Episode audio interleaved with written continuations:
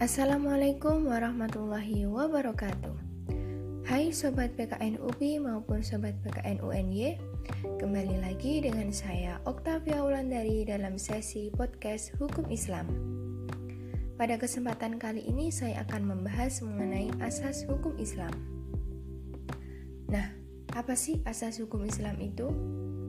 Asas hukum Islam merupakan rujukan atau dasar pijakan untuk mengembalikan segala permasalahan yang terkait dengan hukum Islam.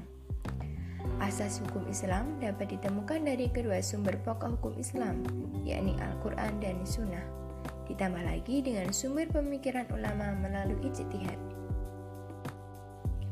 Pada sesi kali ini saya hanya akan membahas mengenai dua asas hukum Islam, yakni asas umum hukum Islam dan asas-asas hukum pidana Islam. Yang pertama, asas umum hukum Islam. Asas umum hukum Islam berarti asas-asas hukum Islam secara umum meliputi semua kajian atau ruang lingkup hukum Islam. Meliputi semua asas-asas yang ada di dalam hukum Islam baik dalam masalah ibadah maupun muamalah. Asas-asas umum dalam hukum Islam yaitu asas keadilan. Asas ini merupakan asas yang penting dalam hukum Islam, sehingga ia disebut sebagai asas semua asas hukum Islam.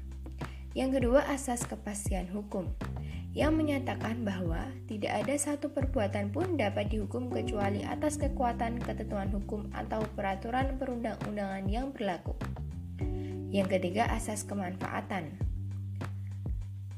Asas kemanfaatan adalah asas yang mengiringi asas keadilan dan kepastian hukum. Dalam melaksanakan asas keadilan dan kepastian hukum, seyogianya dipertimbangkan asas kemanfaatannya, baik bagi bersangkutan sendiri maupun bagi kepentingan masyarakat.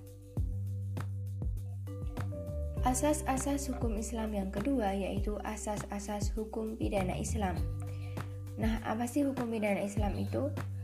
Hukum pidana Islam merupakan bagian yang sangat penting dalam hukum Islam yang sering dijadikan patokan pemberlakuan hukum Islam dalam suatu negara.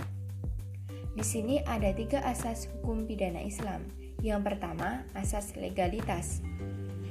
Asas legalitas adalah asas yang menyatakan bahwa tidak ada pelanggaran dan tidak ada hukuman sebelum ada undang-undang yang mengaturnya. Yang kedua, asas larangan memindahkan kesalahan pada orang lain. Orang tidak dapat diminta memikul tanggung jawab mengenai kejahatan atau kesalahan yang dilakukan oleh orang lain, karena pertanggungjawaban pidana itu individual sifatnya. Kesalahan seseorang tidak dapat dipindahkan kepada orang lain.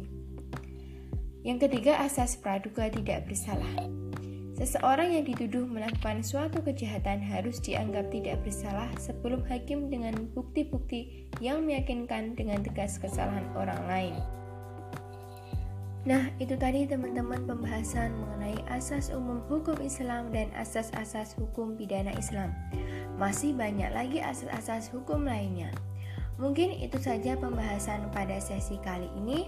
Saya akhiri wassalamualaikum warahmatullahi wabarakatuh dan sampai jumpa di sesi podcast selanjutnya. Bye bye and see you.